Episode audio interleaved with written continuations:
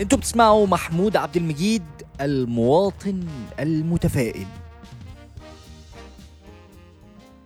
أبويا toxic أهلي toxic أمي toxic.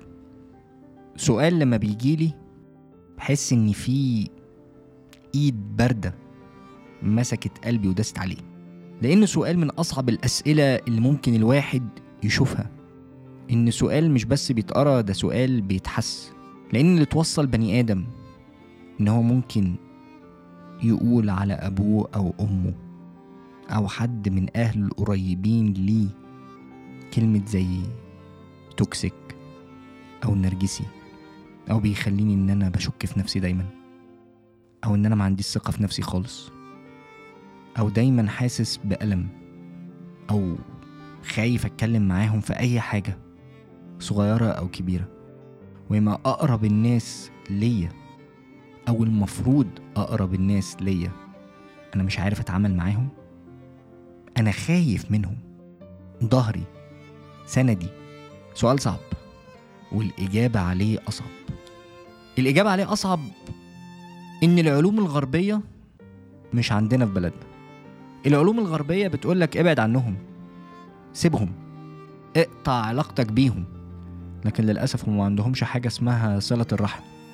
ما عندهمش حاجة اسمها إن أنا ما ينفعش أعمل كده. إن أنا ما ينفعش أبقى عاق. ما ينفعش أختفي. إن ربنا قال لنا كده. فطالما ربنا قال لنا كده مش ه- ابقي العلم الغربي.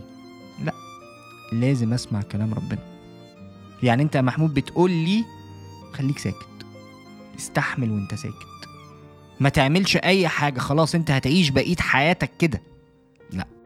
أنا ما بقولكش كده. أنا ما بقولكش إن أنت تعيش ساكت. بس برضو ما أقولكش إن أنت تكلمهم في التغيير. التغيير عندك أنت. عندك أنت. العلاقات ال toxic. عمرنا لو عايزين نصلح بنصلح الشخص ال toxic.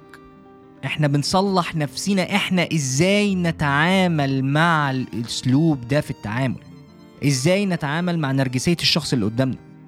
إزاي نتعامل مع الكلام اللي يبقى زي السهم المسموم؟ ده اللي إحنا بنشتغل عليه. الدكتور عماد رشاد عثمان في كتابه أبي الذي أكرهه. تعالوا نقف لحظة بس قدام اسم الكتاب. أبي الذي أكرهه. اسم الكتاب لوحده تقيل جدا. الكتاب ده من الكتب اللي أنا كنت دايما أبص لها واللي أنا خايف أمسكه أقراه. حاسس إن أنا بس مجرد إن أنا بقرأ الاسم أنا بعمل حاجة غلط. فتخيلوا بقى للإنسان اللي عايش العلاقة السامة دي. وجواه واعظ ديني ومجتمعي يعمل إيه؟ دكتور عماد رشاد في الكتاب بيقول لنا العلاقة السامة دي أنت كأنك بتعيش نفسك في سجن.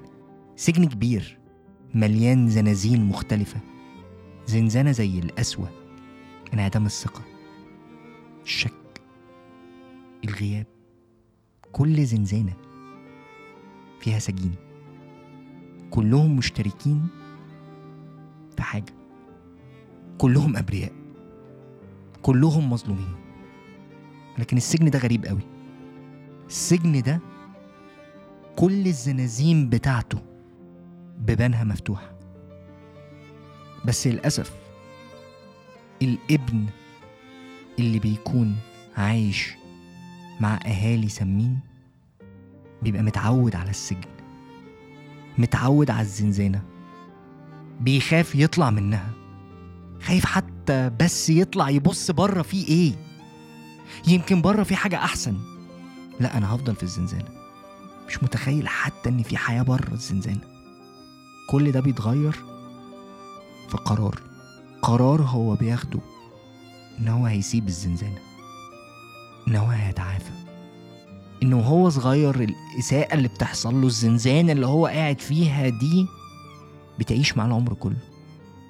سواء بقى الإساءة دي كانت تريقة ضرب مقارنة إهمال تفرقة ما بين إخوات تنمر. آه الأهل بيتنمروا. الأهل بيتنمروا بيفتكروا إن ده هزار. الأهل بيخوفونا. بيخوفونا ويفتكروا إن ده تربية. كل الحاجات دي بتعيش معانا. تعيش معانا سنين عمر. حلقتي المرة دي خلصت. خلصت من غير حلول. خلصت من غير ما أقول طب نعمل إيه؟ لأن الحلقة الجاية هيكون معايا شخصية عزيزة عليا جدا. تعرضت لكل اللي أنا قلته دوت وتعافت. وبتتكلم عن الموضوع دلوقتي بطريقة صحية. تكلم الناس وأهلها لسه موجودين وهنشوف إزاي قدرت توصل لده وإزاي توفق بده وإزاي قدرت تقول أنا اتأذيت بس أنا مسامحة اللي أذاني. أشوفكم الحلقة الجاية. خلص كلامنا بس ما تنسوش تعملوا فولو لمحمود عبد المجيد. المواطن المتفائل.